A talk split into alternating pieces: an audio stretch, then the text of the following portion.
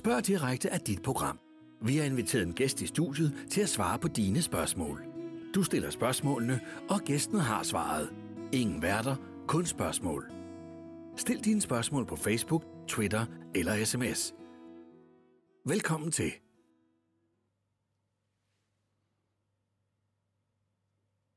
Hej og velkommen til Spørg Direkte på DK4. Jeg hedder Lave K. Brock. Jeg er første supplant til EU-parlamentet for Folkevæsen mod EU, og så er jeg også kandidat i EU-parlamentsvalget, som er den 26. maj øh, i år. Jeg er også radikal. I Folkebevægelsen er vi jo tværpolitiske, og vi er vant til at arbejde sammen på tværs af partier. Vi støtter demokrati, vi støtter et nordisk velfærdssamfund, et bæredygtigt miljø og et globalt udsyn. Og så er vores mål, at Danmark skal træde ud af EU. Velkommen til. Jeg har fået det spørg- første spørgsmål. Hvad laver man som første subland? Ja, i virkeligheden så øh, kan man sige, at EU-parlamentet ikke har de samme regler som øh, Folketinget. Øh, det har kun en rigtig betydning, hvis vores nuværende medlem træder ud af parlamentet. Øh, det håber jeg ikke, hun gør. Rina laver et fantastisk arbejde, men det er altid vigtigt, at vi er forberedte på, at der kan ske ting. Øh, det er tidligere sket, øh, at vores første subland er trådt ind. Øh, det var Søren Søndergaard, der trådte ind, øh, da Ole Krarup øh, blev syg. Så der kan ske en situation, men man skal være forberedt på, på tingene og følge med i udviklingen. Yes. Der kommer et nyt spørgsmål. Hvorfor ikke EU? Det er da så nemt, når man rejser. Ja, jeg synes jo også, at øh, det er dejligt, at man kan rejse i Europa. Jeg synes også, at det er godt, at vi kan studere på tværs af grænser, og vi har et samarbejde. Øh, men det kan man også uden at være med i EU. Nordmænd, Schweizer, islændinge og mange andre kan jo også rejse i Europa uden at, at vise pas. Øh, så det er faktisk ikke nødvendigt at være med i EU for at kunne have et, et samarbejde på det område. Så skal vi se, om der er et nyt spørgsmål. Anne, hun spørger, øh, hvilke EU-modstandere vil Folkebevægelsen mod EU ikke arbejde sammen med? Ja, det er jo et godt spørgsmål. Øh, generelt kan man jo sige, at det gælder jo det her spørgsmål for alle tilhængere af EU og for alle EU-modstandere, at der måske er nogen, man ikke er så tæt på politisk. Øh, vi har en grænse, hvor vi siger, at vi arbejder på et ikke-racistisk grundlag. Så hvis der er nogen, der for eksempel øh, ønsker at... Øh, at øh, man skal diskriminere øh, folk på grund af hudfarve eller religion eller andre ting, øh, så har vi en grænse i forhold til det. Øh, vi ønsker også at arbejde sammen med, med folk generelt, som støtter øh, en demokratisk øh, proces, og øh, folk, som for eksempel ønsker at bruge vold øh, mod politiske modstandere, vil vi heller ikke arbejde sammen med. Så der er nogle grænser. Yes, vi ser, hvad der kommer. Øh, der er en sms, hvor der står, hvad er ifølge dig det største problem med EU? Det største problem, som jeg ser med EU, det er faktisk demokratispørgsmålet, at der er et stort demokratisk underskud i EU. Det er sådan, at 90 procent af alle forslag, direktivforslag fra EU, bliver aldrig behandlet af Folketinget. Der er ikke et eneste øh, folkevalgt, øh, en, en, en eneste, eneste folkevalgt politiker, der kan stille lovforslag i EU. Øh, en EU-parlamentariker har ikke mulighed for at stille lovforslag, det er kun EU-kommissionen, som kan stille lovforslag. Øh, det synes jeg strider imod de principper, der ligger til grund for vores grundlov, hvor det jo i Folketinget er et hvert folketingsmedlem, der kan stille lovforslag, så er det EU kun øh, embedsmænd fra kommissionen, der kan stille lovforslag. Men generelt kan man sige, at demokratiet mener jeg bliver begrænset af EU. Det bliver også begrænset af EU på grund af Lissabon-traktaten, øh, som fastlægger nogle politikker. Det er sådan, at Lissabon-traktaten siger, at det indre marked skal stå over andre ting. Det betyder, at det indre markeds regler står over miljø, sundhed, dyrevelfærd øh, og mange andre spørgsmål. Øh, og unionen fastlægger faktisk en økonomisk politik gennem, øh, gennem traktaten. På det militære område, hvor Danmark ikke er med, der er der også en ramme i traktaten, som begrænser demokratiet. Så generelt synes jeg, at det demokratiske underskud i EU er det simpelthen det allerstørste problem. Yes, vi skal se, der kommer et nyt spørgsmål, tror jeg. Hvorfor forlader Danmark ikke EU? Ja, øh, det spørger jeg også mig selv. Jeg synes jo også, at det vil være bedre, at vi vælger en relation til EU som en god nabo, øh, end at vi er øh, eller bliver en delstat i den EU-stat, der er under udvikling. Men for at forlade EU, så skal vi have en folkeafstemning, og det skal vi kæmpe for. På Christiansborg er der mange politikere, der er modstandere af en folkeafstemning. Øh, derfor tænker jeg, at det er vigtigt, at vi styrker folkebevægelsen mod EU. Folkebevægelsen arbejder tværpolitisk, og folkebevægelsen øh, argumenterer for, hvorfor det er vigtigt at få en folkeafstemning. Jeg har flere argumenter for det. Et argument er, at ingen danskere under 66 år har stemt om selve EU-medlemskabet. Øh, det var i 1972, der var folkeafstemning om EU-medlemskabet, og dengang skulle man være 20 år for at stemme. Så jeg har ikke stemt, at vi skulle være medlemmer af EF dengang. Øh, og så har EF også udviklet sig. Øh, vi har så haft nogle folkeafstemninger, men de folkeafstemninger har kun været om ændringerne.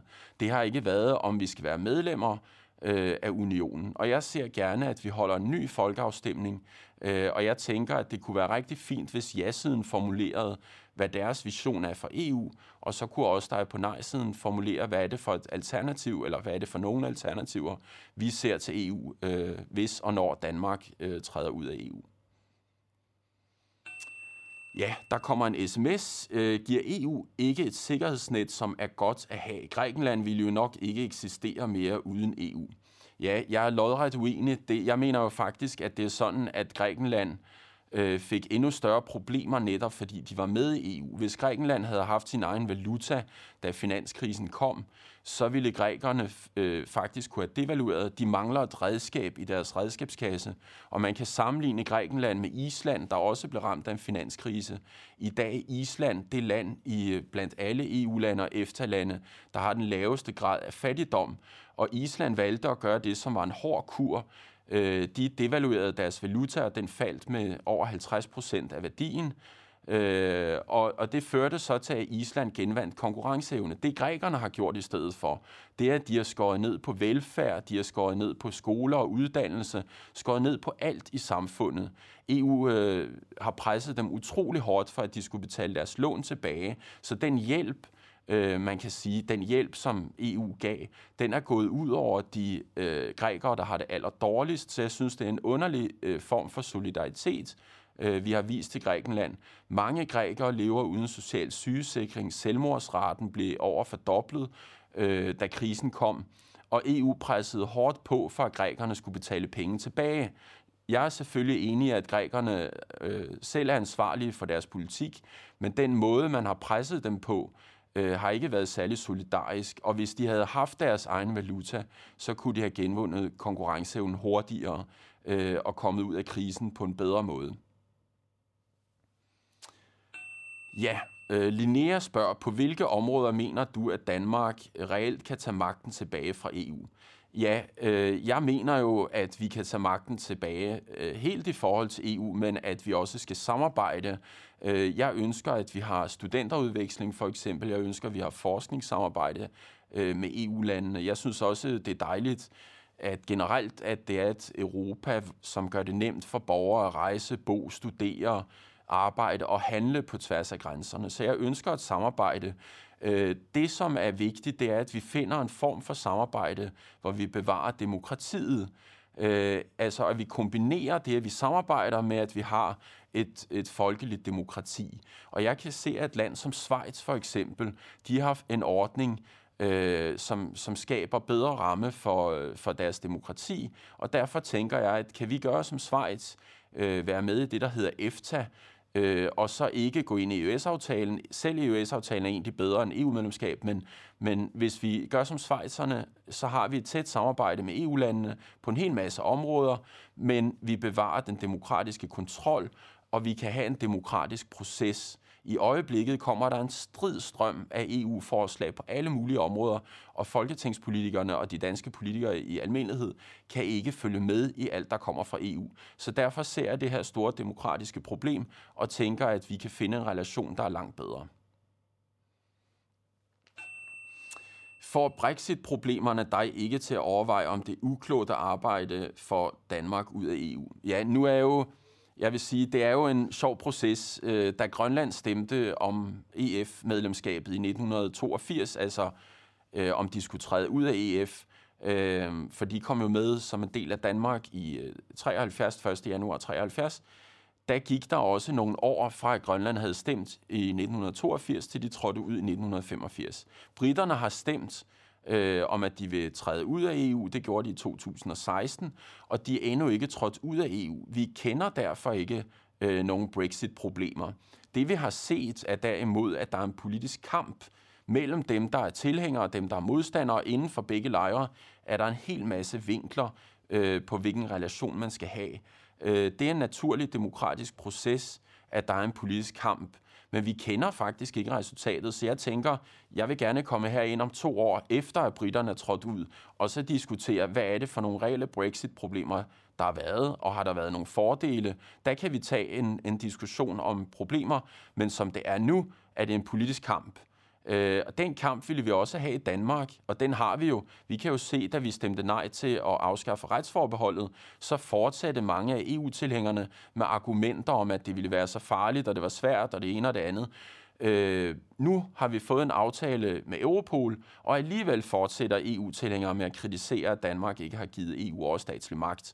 Vi ved også, at der er en masse EU-tilhængere, der vil afskaffe kronen og indføre euro i Danmark. Øh, så diskussionerne stopper ikke, og det er det, jeg ser i Storbritannien. Indtil videre er det ikke problemer med at træde ud. Øh, det har vi ikke oplevet. Vi har oplevet en diskussion, øh, hvor der er en politisk kamp. Yes, øh, sms her. Hvordan skal vi som lille land forsvare os mod giganterne, som for eksempel Google og Facebook? Ja, det er jo et godt spørgsmål.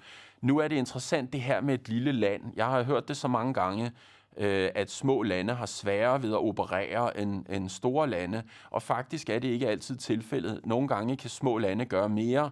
Øh, der var nogen, der sagde for en tid siden, Danmark er jo for lille til at kunne indgå handelsaftaler selv. Vi er nødt til at være med i EU for at indgå handelsaftaler. Og så er det jo lidt interessant, at lille Island, som jo kun har en 300.000 indbyggere, har faktisk indgået handelsaftale med Kina øh, som jo er det mest folkerige land i verden. Så det viser, at der er en interesse i at samarbejde med små lande. Og hvad i forhold til virksomheder? Jeg kan jo nævne, at da Danmark lavede Europas skrappeste lovgivning om transfedtsyre, det gjorde vi sammen med Schweizerne, som ikke var med i EU, så borgede alle de multinationale virksomheder sig i Danmark, altså Burger King, McDonald's, øh, bøjede sig for at øh, leve op til de danske standarder for at kunne være på det danske marked. Så jeg tænker, at vi på samme måde som med transfedtsyre, så kan vi lave en lovgivning, som passer til det, vi ønsker i Danmark, og så lægger vi pres og siger til Google og Facebook, vil I være i Danmark, så er det de regler, I skal overholde. De multinationale virksomheder er gode til at tilpasse sig den lovgivning, der er nationalt. Hvordan kan du som radikal arbejde sammen med de venstreorienterede i Folkebevægelsen mod EU? Ja, det er jo, det er jo et godt spørgsmål. Øh, jeg vil sige, at jeg arbejder jo ikke kun sammen med venstreorienterede i Folkevæsen, jeg er også aktiv i FN-forbundet, der også er en tværpolitisk øh, forening. Og jeg synes, det er en god ting i vores demokrati, at vi er i stand til at arbejde med folk, på, øh, som ikke deler alle de samme synspunkter som os. Øh, jeg mener grundlæggende, at EU er et spørgsmål om demokrati eller ej, øh, hvor jeg ser en, en stor øh, undergravelse af vores demokrati gennem EU. Øh, og det mener jeg egentlig er noget, som folk, der er til venstre for mig, men også folk, der er til højre for mig, burde reagere på. Øh, alle danske partier støtter jo demokrati og støtter jo egentlig det fundament, som der ligger i grundloven. Øh, så jeg tænker, at øh, det er godt, at vi på tværs af partier faktisk arbejder sammen. Og jeg vil også sige, at jeg har lært ting øh, igennem alle de år, hvor jeg har arbejdet tværpolitisk. Så har jeg lært at se perspektiver øh, fra andre folks side. Jeg har lært ting af dem, der er til venstre for mig, og dem, der er til højre for mig. Så jeg synes faktisk, det er rigtig godt. Radikale Venstre som parti har jo også siddet i regering, både med øh, partier til højre og venstre. Øh, så derfor synes jeg ikke heller, det er et problem. Jeg synes, det er en god ting, øh, at vi i Danmark har et demokrati, hvor vi lytter og samarbejder. Hvem vil du arbejde sammen med i parlamentet, socialisterne eller de borgerlige? Ja, det er også et godt spørgsmål. Øh, jeg har, tænker faktisk, at øh, for folkebevægelsen er det allervigtigste, at vi arbejder sammen med nogen, som, som kæmper for demokratiet, øh, og som kæmper for de værdier, vi står for. Øh, der er et spørgsmål, som drejer sig, hvilken gruppe man sidder sammen med. Men jeg tænker, uanset øh, i hvilken gruppe man sidder med, så kan man prøve at lave samarbejde. Og jeg kender jo faktisk folk, der sidder øh, i andre grupper end den folkebevægelsen sidder i øjeblikket. Øh, så jeg tænker, vi skal have et samarbejde, øh, som er øh, på tværs af alle de forskellige grupper. Øh, og hvis folkebevægelsen igen kunne være så stærke, at man kunne opbygge noget, der minder om den regnbuegruppe, som vi engang lavede, ville det jo være helt fantastisk. Men målet må jo være, at man ikke tænker i, om folk er til venstre eller højre, men mere om, om vil de arbejde sammen med folkevæsen, vil de have mere åbenhed i systemet, vil de arbejde for, at vi kan flytte magt tilbage til Danmark, og de andre øh, medlemslande, vil de arbejde for internationalt samarbejde, der i realiteten er et rigtigt samarbejde, vil de arbejde for at øh, vi forhindrer de skadevirkninger, der kommer fra, fra EU på miljøområdet, angående dyrevelfærd, øh, angående arbejdsmarkedet øh, og angående det globale udsyn. Så jeg tænker faktisk, at øh, der er folk med, øh, som vi kan arbejde sammen med over hele spektret. Er der slet ikke noget godt ved EU? Jo, det er der bestemt. Øh, og øh, jeg vil også sige det, at øh, det her er måske et af de allerbedste spørgsmål, fordi øh, jeg har det også sådan, at jeg spørger mig selv, hvad er det, jeg laver, og hvad er det, jeg tænker, og hvad er det, jeg tror i forhold til EU. Der er gode ting ved EU. Noget af det gode ved EU, det er, at man faktisk arbejder øh, sammen på tværs af grænser i Europa. Det er så vigtigt, at vi har et internationalt samarbejde, for vi står over for udfordringer på klimaområdet, øh, angående mange andre spørgsmål, så vi har brug for et samarbejde. Jeg synes også, en anden god ting, det er, at EU faktisk har været med til at arbejde for, at mennesker kan arbejde, bo, studere og rejse øh, på tværs af grænserne. Det kan jeg så også se, at EFTA gør, øh, EFTA-samarbejdet, som Norge, Island, Schweiz og Liechtenstein er medlemmer af. Og derfor tænker jeg, at EFTA faktisk øh, har mange af de gode ting, som der er i EU. Den får man øh, gennem at være med i EFTA. Så derfor så, så tænker jeg, at vi kan lige så godt vælge EFTA, når det er et bedre samarbejde. Hvilke forholdsregler tager folkebevægelsen mod EU, for eksempel falske nyheder i valgkampen? Ja, øh, det er jo øh, et interessant spørgsmål, Rasmus, du kommer med her. Øh, jeg tænker, at vi altid skal arbejde for, at vi har en savlig debat, og vi skal arbejde for, at øh, der ikke bliver sagt ting, øh, som, som er falske nyheder. Øh, men jeg oplever jo, at der sker ting, hvor øh, folk de bliver virkelig engageret, og vi lavede for eksempel en video efter den sidste folkeafstemning om retsforbeholdet, hvor vi har taget en masse af, af de øh, der ønskede at afskaffe forbeholdet, der sagde, at vi kunne stort set ikke få en aftale, som var mellemstatslig med EU, og hvis vi fik en, ville det tage fire til seks år. Øh, det passede ikke, og vi prøvede i valgkampen, og jeg skrev blandt andet i politikken og andre steder, at Norge fik en mellemstatslig aftale i løbet af et år. Øh, og alligevel oplevede vi en masse danske politikere, som sagde, at det ville være næsten helt umuligt for Danmark, og vi kunne ikke sammenligne os med Norge, for vi er med i EU. Og så er spørgsmålet, øh, hvornår er noget en falsk nyhed? For man kan jo altid bygge øh, argumenter ud fra der, hvor man står. Jeg synes, det var rimeligt faktisk at sige, at man når Norge kunne få en aftale i løbet af et år, så burde Danmark som EU-medlem også kunne få en aftale i løbet af et år. Øh, det mente så en masse folk øh, på ja-siden, at det passede ikke. Så, men de fik så ikke ret i, i det, de sagde, og det ved vi i dag. Øh, derfor er der en gråzone, kan man sige, hvornår noget er falsk, fordi man ikke altid ved i politik, hvad der vil komme til at ske. Men jeg mener, at vi kan prøve at underbygge, og jeg tror på alsidig information. Øh, jeg tænker faktisk, det er rigtig godt at have DK4, lad os komme ind i studiet, og I kan stille spørgsmål, men at vi faktisk får argumenter fra to sider, hver gang der er et spørgsmål. For i politik kan ting øh, ske, som man ikke har forudset. Så kommer der et spørgsmål fra Jens. Hvad skal du bruge dine blyantspenge til? Ja, det er jo et rigtig godt spørgsmål, Jens. Øh, nu er det i folkebevægelsen sådan, at vi, øh, vi offentliggør, hvad vi får af blyantspenge, og vi offentliggør også, hvad vi bruger pengene til. Rina har et stort ringbind, øh, Rina Ronja Kaj, vores medlem af parlamentet, hvor hun sætter alle bilag ind i det her ringbind. Øh, og så kan man faktisk, så hvis der er nogen af jer, der vil se, hvad Folkebevægelsen mod EU bruger sine blyantspenge til, så kan I faktisk kontakte vores landssekretariat og bede at få lov til at se øh, Rinas ringbind med, hvad hun bruger pengene til. De andre partier, der er det lidt øh, forskel på, hvad de gør.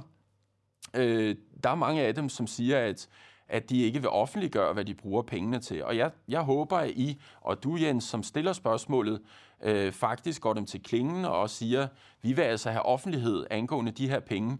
Det er jo mange penge, der kommer skattefrit hver måned til EU-parlamentarikerne, og pengene skal jo bruges til sekretariatsarbejde, og det skal ikke ned i lommen til den enkelte parlamentariker.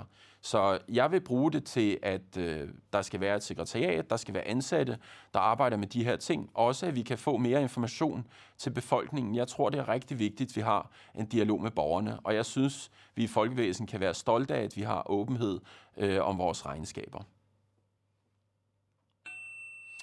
Hvis du havde siddet med dengang EU blev skabt, hvad havde du så gjort anderledes? Ja, det er et rigtig godt spørgsmål. Det er kommet på sms.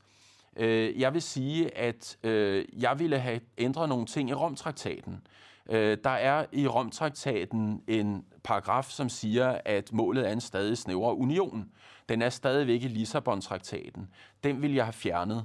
Jeg er tilhænger af et praktisk samarbejde, hvor vi løser praktiske problemer, og det er det, jeg ser i EFTA.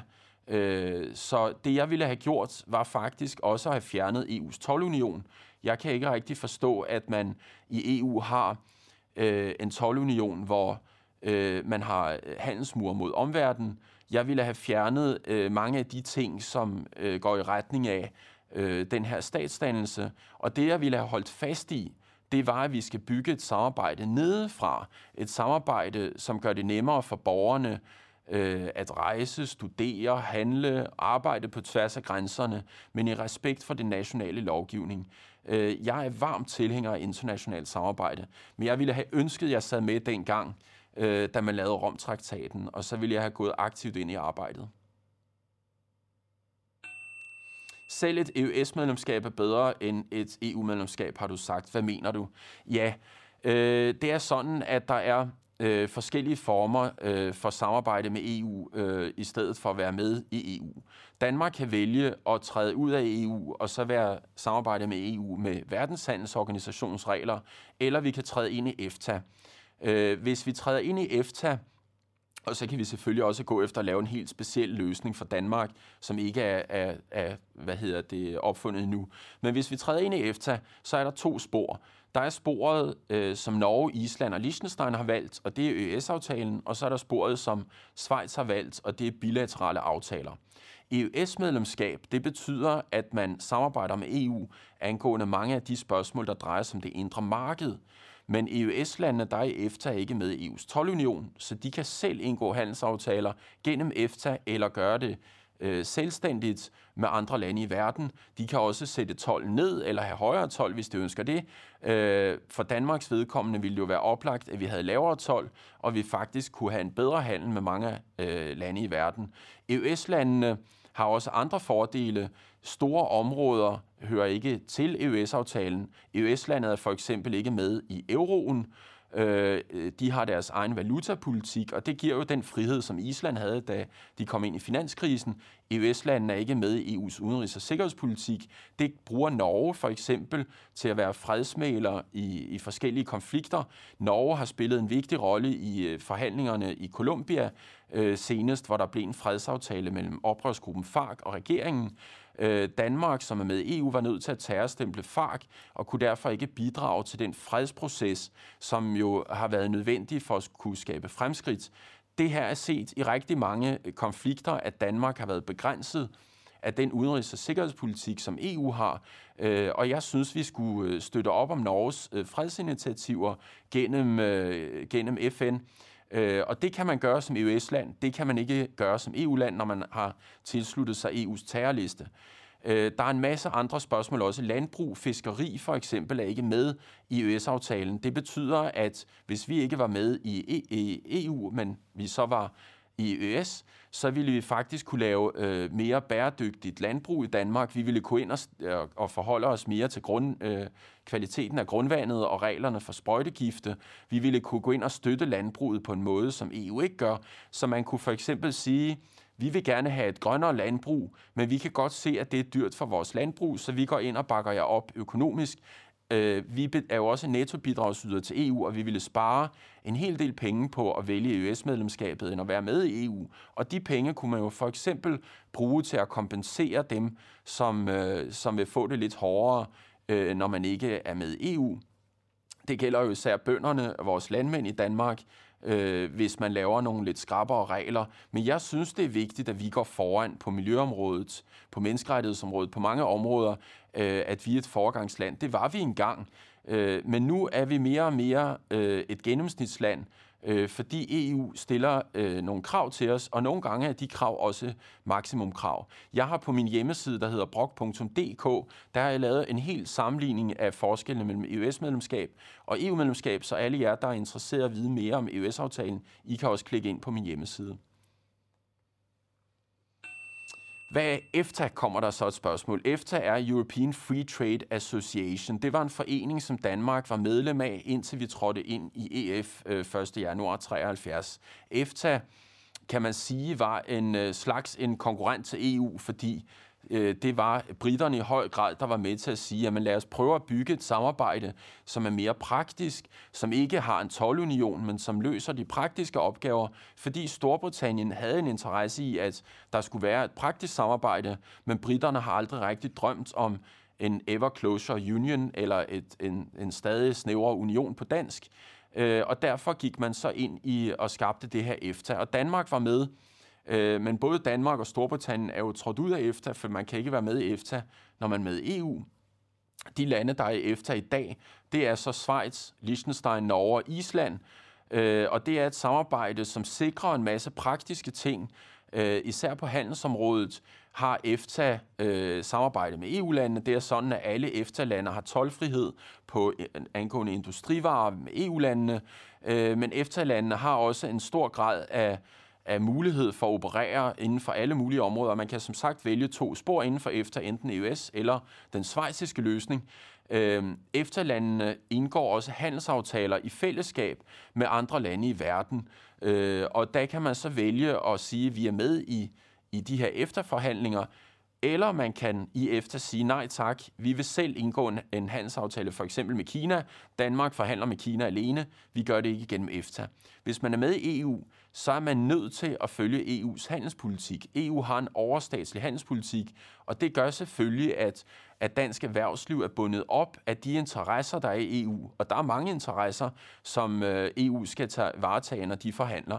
En hel del af de interesser er jo ikke øh, interesser, vi nødvendigvis har i Danmark. Øh, for eksempel rejser den franske våbenindustri rundt sammen med den franske præsident, Øh, når han er ude og, og laver handelsdiskussioner øh, med andre lande. Og jeg tænker faktisk, at det er en ting, vi kunne gøre for at prøve at få en bedre verden, det er at gå imod den her øh, handel med, med våben til lande, der vedvarende krænker menneskerettighederne. EFTA gør faktisk det nogle gange, at de stiller nogle højere krav øh, end EU. Det har de for eksempel gjort til Marokko, hvor EFTA har gået ind og sagt, øh, vores handelsaftaler med Marokko, de drejer sig ikke om Vestsahara. Øh, Marokko har har øh, kontrol over øh, en stor del af Vestsaharas territorium, og ifølge FN øh, så er det en, øh, en situation, som ikke er anerkendt, øh, og FN ønsker faktisk at skabe fred i Vestsahara. Men der har EU gået ind og lavet fiskeriaftaler og handelsaftaler med Marokko, uden at tage højde for den, øh, den besættelse, man kan sige, der er af en del af Vestsahara. Så jeg tænker, vi skal gøre som EFTA, vi, vi har vi har brug for internationalt samarbejde, og det vil være en fordel for os. Lars spørger, hvad vil du stemme for, og hvad vil du stemme mod, hvis du bliver valgt til EU-parlamentet? Ja, det er jo et super godt spørgsmål. Generelt kan man sige, at jeg, øh, når der er spørgsmål, hvor EU allerede har fået magt, så øh, vil jeg stemme for, at vi øh, har høje miljøstandarder, at vi øh, forsvarer velfærdssamfundet, det nordiske, skandinaviske velfærdssamfund, øh, at vi øh, øh, har åbenhed, demokrati, øh, og nærhed inden for så mange beslutninger som muligt, øh, Øh, og det globale udsyn. Hvis der for eksempel kommer en EU-fiskeriaftale med et afrikansk land, og jeg kan se, at pengene går til regimet og ikke til befolkningen, så vil jeg stemme imod den aftale. Hvis jeg kan se, at der kommer et forslag, som for eksempel er godt for vores grundvand, så vil jeg stemme for øh, det forslag. Men jeg vil også arbejde for at forhindre, at EU får mere magt. Jeg vil gå efter at sidde med i det udvalg, der drejer sig om forfatning, altså EU's forfatningsudvalg. Det vil være der, jeg stiler hen øh, som, som det første. Øh, og så vil mit mål være at arbejde for, øh, at øh, magt kan flyttes tilbage til borgerne. Jeg mener faktisk, at EU er blevet en alt for centralistisk øh, organisation. Alt for meget magt øh, ligger i Bruxelles, og vi har brug for at flytte magten tilbage. Jeg vil også arbejde for en god relation til EU den dag Danmark øh, får mulighed for at træde ud af EU. Jeg ønsker ikke, at vi skal være fjender med EU. Jeg ønsker, at vi skal være en god nabo. Øh, og jeg kan se, at strømmen i EU går i retning af en EU-statsdannelse. Europas forenede stater er noget, mange af dem, der sidder i EU-parlamentet, ønsker. Øh, den tyske kansler Merkel og den franske præsident Macron ønsker sågar en EU her. Øh, det skal vi ikke være med i, og jeg vil gå imod EU-herren med næb og klør og gøre alt, jeg kan for, at Danmark ikke kommer med i en EU her. Bor man som medlem af parlamentet i Bruxelles, eller pendler man? Ja, øh, man gør faktisk lidt begge dele, fordi øh, man har mange møder i Bruxelles, øh, man har også mange møder i, i Strasbourg, men de fleste af møderne er i Bruxelles. Øh, der er jo et rejsecirkus mellem Bruxelles og Strasbourg. Øh, og så kommer man også hjem til Danmark af og til, øh, hver uge næsten. Så det er jo en, øh, man pendler øh, ofte mellem landet og øh, EU-parlamentet øh, i Bruxelles og Strasbourg, Øh, så det er en masse rejseri. For mig vil det jo være utrolig vigtigt at være i Danmark også, øh, og, og have en dialog øh, med borgerne, netop som jeg har nu. Og jeg håber, at, at vi kan få lejlighed til at lave det her igen selvfølgelig, men det er vigtigt, at vi har en dialog og demokrati. Demokrati er jo ikke kun, at man stemmer øh, hver femte år til EU-parlamentet, eller øh, mindst hver fjerde år til, til Folketinget. Demokrati er jo faktisk, at vi også har dialog, øh, og det synes jeg, vi løbende skal have. Så, så for mig er det vigtigt, at man kan komme hjem til Danmark, men man skal selvfølgelig også være i EU-parlamentet, når der er vigtige afstemninger. Line spørger, er flygtninge og migranter ikke den største trussel mod den danske velfærdsmodel? Nej, Line, jeg øh, er ikke enig i, at det er den største trussel for den danske velfærdsmodel. Nu er det sådan, at Danmark, når det gælder migranter, så har Danmark jo ikke en åben øh, indvandringspolitik. Danmark har jo faktisk lukket øh, for indvandring. Når det gælder flygtninge, så vil jeg sige, at nu har jeg selv, kommer jeg selv fra en familie, der, der blev ramt af 2. verdenskrig, og, øh, og jeg synes, at der er en grund til, at mennesker flygter. Øh, folk flygter for at overleve, folk flygter fra krig og forfølgelse, og vi skal hjælpe flygtninge. Øh, mennesker, der kæmper for deres liv, skal have hjælp af Danmark. Jeg synes ikke, at EU skal have magt over flygtningeområdet, og heller ikke over indvandrerpolitikken for den sags skyld. Udlændingepolitikken skal vi bestemme over i Danmark, øh, og vi skal have en demokratisk debat om det. Så det er godt, du stiller spørgsmålet, øh, hvordan skal vi så hjælpe flygtninge? Det er det spørgsmål, jeg egentlig tænker, man skal stille.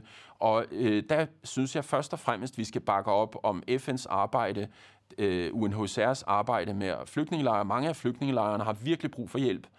De flygtninge, som kommer til Danmark, skal selvfølgelig også have hjælp, og vi skal være et land, øh, som viser medmenneskelighed, øh, og vi skal arbejde for, at der findes internationale løsninger på flygtningeområdet. Når det gælder migranter, så er det jo, kan man sige, på lang sigt kunne det jo være fint, at man kunne have en verden, hvor alle mennesker kunne rejse og bo i alle lande. Der er vi ikke i øjeblikket. Vi har brug for, at mange lande kommer op på et, på et højere niveau, øh, og derfor støtter jeg jo også ulandsstøtte, og jeg støtter, at vi bakker op øh, om hinanden i verden. Vi har brug for FN, vi har brug for et internationalt samarbejde, øh, men nej, Øh, jeg ser ikke det her som det største øh, problem for vores velfærdssamfund. Jeg mener, at mange politikere godt elsker og snakker om det her, og de håber på at få en masse stemmer. Øh, det kommer jeg ikke til. Øh, det er ikke øh, mit fokus. For mig er det vigtigt, at vi forholder os til demokratiet. Øh, det er det allervigtigste. Og øh, den her diskussion om flygtninge og, og migranter skal vi selvfølgelig have.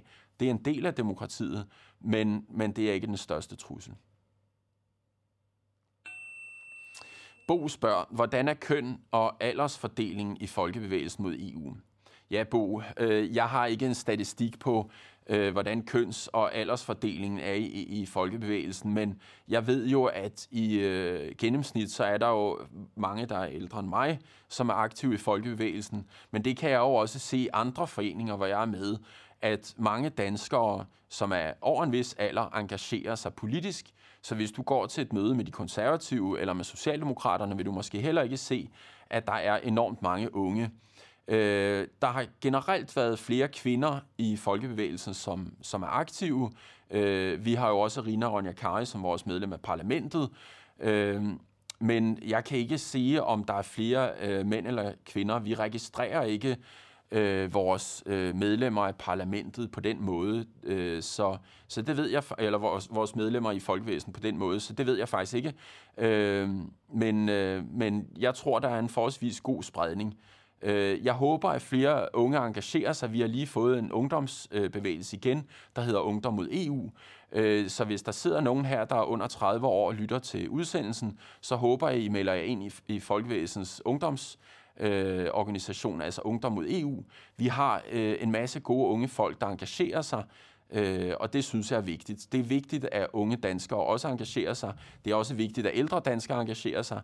Alle danskere skal være med i vores politik, uanset om de er mænd eller kvinder, og hvilken alder de har. Går du virkelig ind for en dansk version af Brexit, kommer der en sms? Ja, øh, det kan man godt sige, at jeg gør, fordi jeg synes, vi skal øh, frigøre os fra EU. Jeg ved, at danske medier generelt har tegnet et billede af, at det er enormt frygteligt med Brexit. Nu har Storbritannien som sagt ikke trådt ud af EU endnu, så vi ved ikke, hvad konsekvensen vil være. Men vi kan faktisk se, at lande som Island, Schweiz, Norge, der ikke er med i EU, klarer sig forholdsvis godt. Øh, og øh, jeg vil sige, at det er jeg helt sikker på, at Danmark også vil gøre. Øh, der er altid en masse skræmmeargumenter, før man skal gøre noget i forhold til EU, og jeg er egentlig lidt, lidt ked af, at der kommer alle de her skræmmeargumenter. Jeg synes, det ville være godt, hvis vi kunne få en debat, øh, som var mere savlig, hvor man faktisk sagde, okay, hvis vi ikke er med i EU, så er vi formentlig med i EFTA. Hvad vil det betyde for Danmark? EU-tilhængerne, de plejer at hive et kort op af lommen, hvor de siger, at vi tjener en masse milliarder, og det er ofte alt den handel, vi har med EU-landene. Men hvordan ville det være, hvis vi ikke var med i EU? Ville vi stadigvæk øh, kunne handle med EU-lande? Ja, højst sandsynligt. Godt, jamen så lad os have det som et grundlag for debatten. Hvad er det for en handel, som vi i hvert fald kan være sikre på, at vi vil have øh, med EU-landene, hvis vi ikke var med i EU? Øh, så jeg synes ikke, at vi skal lade os skræmme af Brexit. Jeg synes i virkeligheden, at vi skal se, hvad der sker med Brexit. Det er en spændende situation. Øh, jeg håber det bedste for samarbejdet med Storbritannien. Danmark er en god ven af Storbritannien, og jeg er sikker på, at når følelserne også i Bruxelles øh, er faldet lidt til ro, så vil man faktisk finde ud af et samarbejde, som man gør det med Norge, Island og Schweiz. Så vil man have en god relation til Storbritannien, øh, og britterne vil genvinde demokrati. Øh, og det er også det, jeg synes er afgørende for Danmark. Vi skal styrke demokratiet, og vi skal have muligheder for at lave højere standarder, for eksempel på miljø- og sundhedsområdet.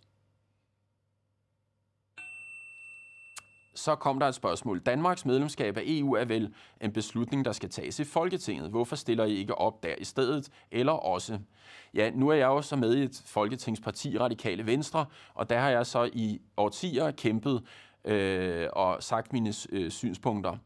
Øh, så det kan man gøre, øh, og det er et relevant spørgsmål.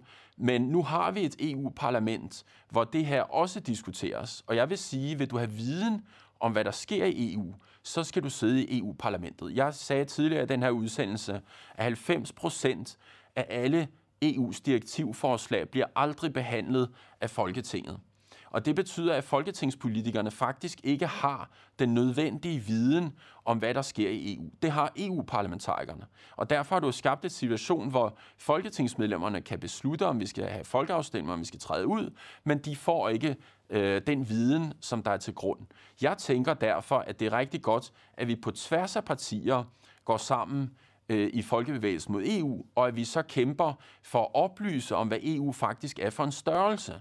Når vi har det reelle grundlag, så kan man ikke lave falske nyheder, som der var en anden spørger, der snakkede om. Øhm, og så kan vi faktisk få en savlig diskussion. Den diskussion, vi skal have forud for en dansk folkeafstemning om udtræden af EU, skal være savlig og bygge på, hvad er det for en udvikling, der er i EU? Hvad er det for et EU, Danmark vil være med i? Fordi virkeligheden er sådan, at vi kommer ikke til at være med i det EU, vi kender i dag. EU er under drastisk forandring, og derfor er det vigtigt, at danskerne faktisk ved, hvad er det for et EU, der vil være i fremtiden. Det er også vigtigt, at danskerne ved, hvad der er for alternativer. Så jeg vil gå ind, som sagt, og, og følge med i den udvikling, og hvis jeg får mulighed for det i EU-parlamentets e forfatningsudvalg, der, der vil jeg kæmpe for at få de oplysninger hjem til Danmark, så jeg kan være med til at bidrage til den debat.